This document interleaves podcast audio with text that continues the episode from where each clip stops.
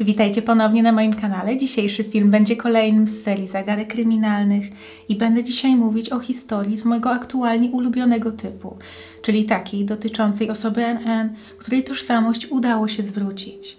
Ta sprawa jest o tyle wyjątkowa, że na rozwiązanie trzeba było czekać wiele lat, ale nastąpiło ono bardzo niedawno, ponieważ w lutym 2021 roku jeśli chcielibyście poznać całą tę historię, łącznie z tymi najnowszymi informacjami, to zapraszam Was do oglądania. Jeśli pamiętacie mój tegoroczny walentynkowy odcinek, to ta sprawa jest bardzo zbliżona do tamtej. Obie dotyczą młodych kobiet, których tożsamość została zwrócona po latach i obie zaczęły się w Dzień Zakochanych. Przypadku Valentine Sally, o której będę dzisiaj mówić, nastąpiło to kilka lat wcześniej, bo w 1982 roku i na odpowiedź trzeba było czekać znacznie dłużej. Wszystko zaczęło się 14 lutego 1982 roku w pobliżu autostrady międzystanowej nr 40, niecałe 20 km na zachód od miasta Williams w stanie Arizona w Stanach Zjednoczonych. Niedaleko tego miejsca doszło do wypadku samochodowego i wezwana została policja. Jeden z funkcjonariuszy, oficer Departamentu Bezpieczeństwa Publicznego Arizony, zszedł z autostrady, żeby poszukać opony, która spadła z jednego z rozbitych pojazdów. Nie mógł przewidzieć, że odkryje coś, co będzie początkiem 40-letniej tajemnicy.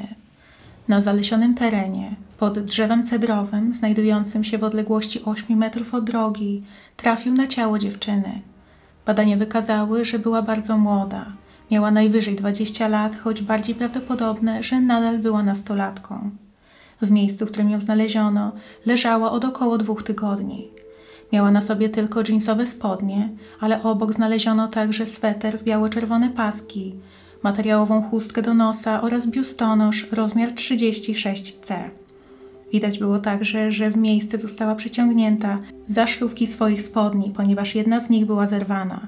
Dziewczyna miała blond włosy i niebieskie oczy. Miała blizny na lewej stopie i jedną na udzie oraz przekute uszy. Miejsce znalezienia dziewczyny mogło z pozoru wydawać się nietypowe, jednak niedługo okazało się, że znajdowało się zaledwie kilkadziesiąt metrów od popularnego miejsca postoju ciężarówek. Zatrzymywali się tam, ponieważ było to u podnóża dość stromego wzniesienia i studzili hamulce. Jeśli więc ktoś zaparkowałby tam na dłużej, to na pewno nie wzbudziłoby to podejrzeń pozostałych przejeżdżających. Kierowcy często też korzystali z okazji i szli za potrzebą, dlatego sprawca miał sporo czasu, żeby zaciągnąć dziewczynę w głąb lasu. Ze względu na to śledczy sądzili, że bardzo trudno będzie ustalić dokładną datę zdarzenia i nie sądzili, że zgłosi się wielu świadków. Na potrzeby dochodzenia dziewczyna została nazwana Sally Valentine. Ta nazwa później przekształciła się w Valentine Sally od nazwy Walentynek, kiedy została znaleziona. I takie właśnie imię miała nosić do 2021 roku. W latach 80. nie było możliwości przeprowadzenia badań DNA, jednak materiał genetyczny został pobrany i sporządzono dokładną dokumentację uzębienia sali. Pobranie odcisków palców nie było możliwe ze względu na aktywność zwierząt w czasie, gdy dziewczyna czekała na odnalezienie. Ustalono, że dzień przed tragedią udała się do dentysty, ponieważ zęby były przygotowane do leczenia kanałowego. Nie udało się jednoznacznie określić przyczyny tego, co ją spotkało, jednak nie było wątpliwości, że swój udział miały w tym osoby trzecie i konieczne jest namierzenie sprawcy koszmaru sali. Sprawa została nagłośniona w lokalnych gazetach z nadzieją, że zgłoszą się świadkowie wydarzeń z przełomu stycznia i lutego 1982 roku. I faktycznie wkrótce na policję zgłosiło się kilka osób twierdzących, że mają potencjalnie ważne informacje.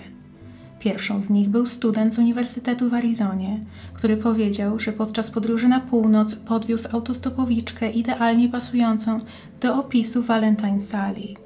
Miało to miejsce w pobliżu Cord Junction, skrzyżowanie drogi stanowej Arizona State Route 69 i autostrady I-17.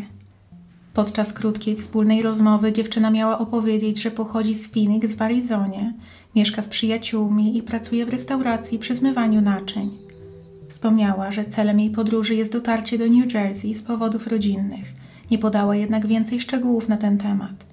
Gdy wysiadła z samochodu studenta, miała kierować się na postój ciężarówek w pobliżu hotelu Little America w mieście Flagstaff. Tam planowała znaleźć transport na wschodnie wybrzeże. Warto wspomnieć, że Arizona i New Jersey znajdują się po przeciwnych stronach kraju. Jeśli dziewczyna faktycznie planowała pojechać tak daleko, to było to ogromne przedsięwzięcie. To dystans prawie 4000 kilometrów.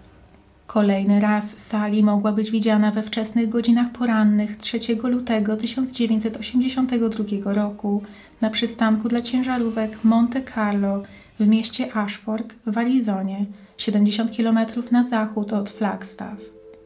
Świadek widział ją lub osobę pasującą do jej opisu w towarzystwie starszego mężczyzny. Wydawało się, że łączyła ich bliska relacja, że był to jej ojciec albo inny członek rodziny, na przykład wuj. Na pewno część ich rozmowy dotyczyła zębów. To jeszcze bardziej utwierdziło śledczych w przekonaniu, że to mogło być Valentine Sally, ponieważ dziewczyna miała przejść niedługo poważny zabieg dentystyczny i na pewno był to dla niej aktualny temat do rozmowy. Niedaleko tego miejsca znajdowała się restauracja, w której jako kelnerka pracowała Patty Wilkins. Kobieta także zapamiętała młodą dziewczynę, która zamiast jedzenia poprosiła o aspirynę. Patty dała dziewczynie lek i oceniła jej wiek na około 16 do 18 lat. Kelnerka zaproponowała nawet darmowy posiłek, ale nastolatka odmówiła. Niedługo do restauracji wszedł także około 50-letni mężczyzna i usiadł obok dziewczyny. Patty również wydawało się, że to może być jej ojciec. Ze względu na wczesną lub późną porę, zależnie jak na to patrzeć, ponieważ było przed czwartą rano, Patty zastanawiała się, czy nie zapytać, czy u dziewczyny wszystko w porządku. Przez moment rozważała nawet zawiadomienie policji, ponieważ zanim pojawił się mężczyzna, dziewczyna wydawała się być uciekinierką z domu. Takie sytuacje zdarzały się w tej okolicy co jakiś czas i zawsze dla bezpieczeństwa młodych dziewczyn najlepiej, żeby służby i ich rodzice jak najszybciej dowiedziały się o ich miejscu pobytu. Tym razem Patty zrezygnowała jednak z pomysłu, ponieważ zauważyła, że nastolatka jest w towarzystwie krewnego. Zapytała tylko, czy dziewczyna chciałaby zostać tu, czy chce wyjść z mężczyzną, a ta powiedziała, że chce iść. Mężczyzna zamówił śniadanie, a dziewczyna nie. Patty podała jej tylko aspirynę, wcześniej krusząc ją, a później pomagając położyć dokładnie na ząb, który bolał. Zapytana przez policję, po której stronie szczęki to było, odpowiedziała, że po lewej. To już całkowicie utwierdziło śledczych w przekonaniu, że była to Valentine Sally, ponieważ lekarz sądowy znalazł resztki aspiryny na jej lewym trzonowcu. Później para wyszła z restauracji i zaczęła kierować się w stronę przystanku dla ciężarówek. Tam trafili na kolejnych świadków. Ci zeznali, że widzieli młodą dziewczynę ubraną podobnie do Sali w towarzystwie dwóch starszych mężczyzn.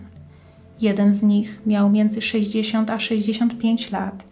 Był biały, mierzył między 1,70 m a 80 był średniej budowy i był ubrany w brązową skórzaną kamizelkę i miał na sobie filcowy kapelusz kowbojski ozdobiony pawim piórem.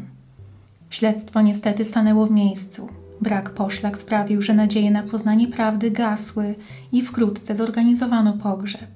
Sally spoczęła na cmentarzu w Williams w Arizonie. Nadzieja na przełom pojawiła się w 1984 roku, czyli dwa lata po tym, jak znaleziono dziewczynę. Policja wytypowała osobę zaginioną, która mogła być Sally. Została zidentyfikowana jako Melody Eugenia Catlip, Dziewczyna pochodząca z Florydy, która uciekła z domu w 1980 roku w wieku 14 lat. Porucznik Jack Judd, pracujący w biurze szeryfa hrabstwa Coconino w Arizonie, trafił na raport na temat Melody i skojarzył ją ze sprawą Valentine Sally.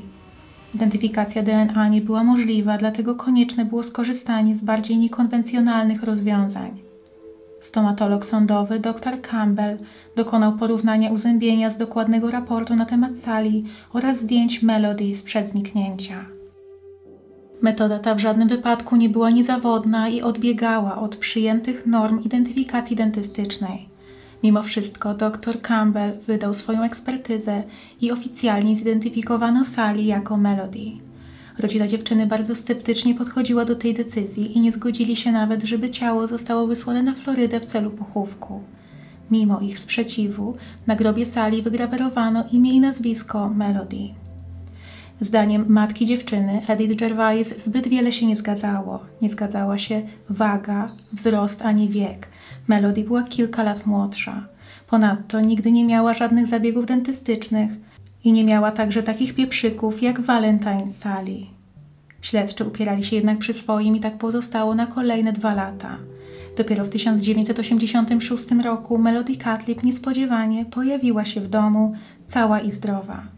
Okazało się, że była już zaręczona i przez ostatnie cztery lata podróżowała po kraju jako sprzedawczyni różnych produktów, chodząca od drzwi do drzwi. Gdy w końcu pojechała na Florydę, uznała, że będzie to dobry moment, żeby odnowić kontakty z rodziną. Dopiero wtedy funkcjonariusze przyznali się do błędu i cofnęli decyzję o identyfikacji sali. Ciekawe jednak jest to, że mimo że rodzina Melody postulowała usunięcie jej imienia i nazwiska z nagrobku, to życzenie nie zostało uszanowane. Najtragiczniejsze w tym wszystkim jest jednak to, że dr Campbell nadal uważał się za eksperta w dziedzinie identyfikacji po zdjęciach zębów i w taki sam sposób wydał decyzje w wielu innych sprawach i tamte także okazały się błędne. Melody Catlip, niestety, mimo szczęśliwego powrotu, podobnie jak dziewczyna, z którą została pomylona, nie mogła liczyć na życie długo i szczęśliwie. Zamieszkała w mieście Metairie w Luizjanie wraz ze swoim narzeczonym Haroldem Burasem i pracowała w wypożyczalni samochodów. 11 września 1982 roku wracała z pracy podczas burzy i miała wypadek. Wpadła w poślizg i zderzyła się z nadjeżdżającą ciężarówką. Niestety nie udało się jej uratować. Miała wtedy 32 lata.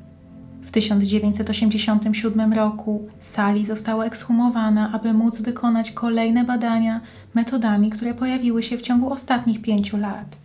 Jej DNA zostało wprowadzone do systemu CODIS, czyli Combined DNA Index System, amerykańskiej bazy danych DNA utworzonej i prowadzonej przez Federalne Biuro Śledcze. Niestety na tamten moment nie udało się dopasować go do żadnych krewnych.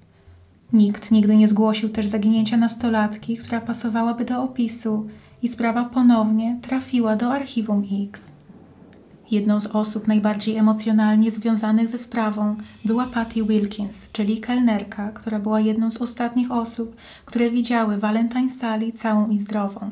Kobieta nie mogła wybaczyć sobie, że nie zrobiła więcej, mimo że nie mogła przewidzieć, co stanie się z dziewczyną później.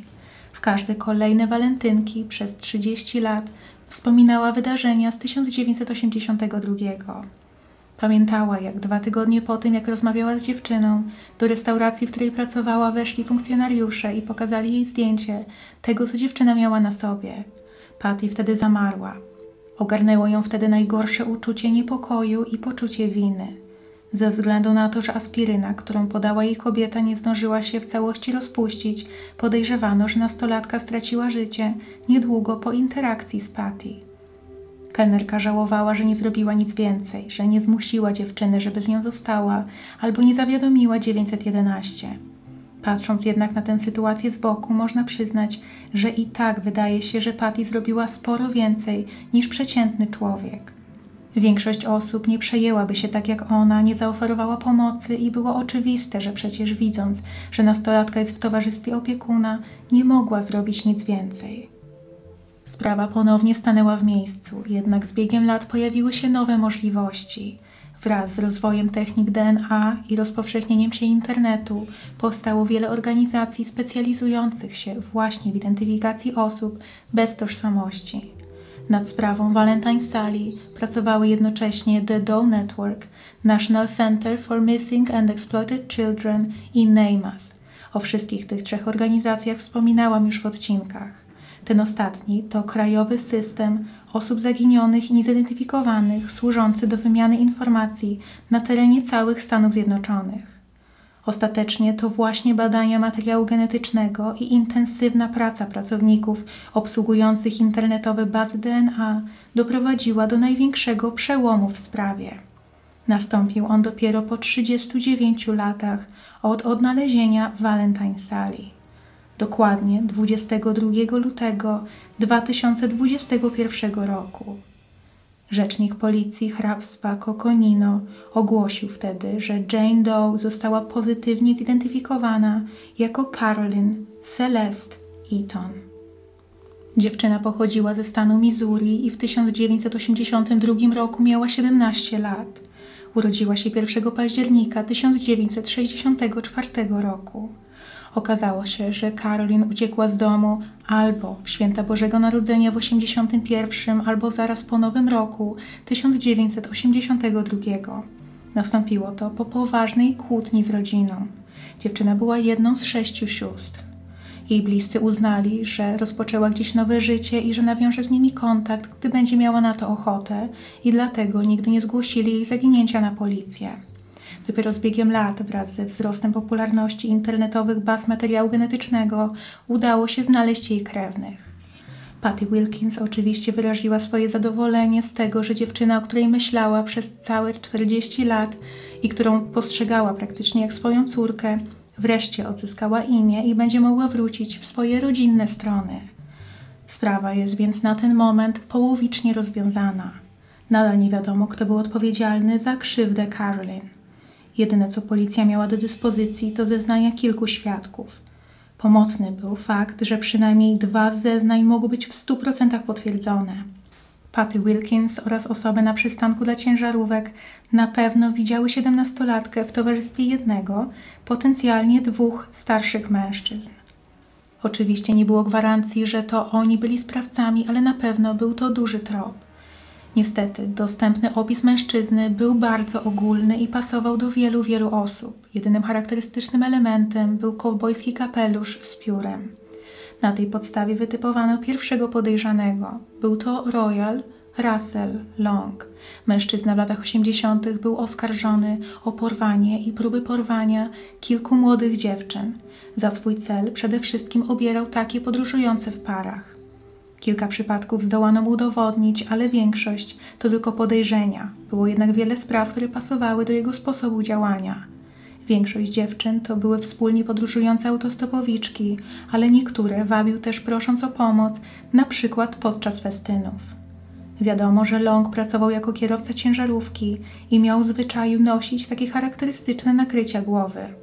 Nie było też rejestrów czynów, jakich miałby dokonać w okolicach lutego 1982, dlatego mógł być wtedy w Arizonie. Oprócz tych kilku poszlakowych dowodów nie udało się znaleźć żadnych bezpośrednich powiązań między Longiem a sprawą Valentine Sally, czyli Caroline Eaton. I na ten moment to jest wszystko, co jest wiadome w tej sprawie. Ciekawe, czy kiedyś będzie nam dane poznanie całej prawdy na temat tych wydarzeń, ale już samo odkrycie tożsamości dziewczyny jest ogromnym osiągnięciem. Dajcie mi znać, co Wy o tym sądzicie. W ciągu ostatnich lat, dzięki rozwojowi technik DNA oraz rozpowszechnieniu internetu, udało się rozwiązać wiele spraw sprzed dziesięcioleci i możemy mieć tylko nadzieję, że będzie ich coraz więcej. Dajcie mi znać w komentarzach, o jakich innych sprawach mogłabym powiedzieć w kolejnych odcinkach z tej serii. A teraz bardzo dziękuję Wam za oglądanie i do zobaczenia. Cześć!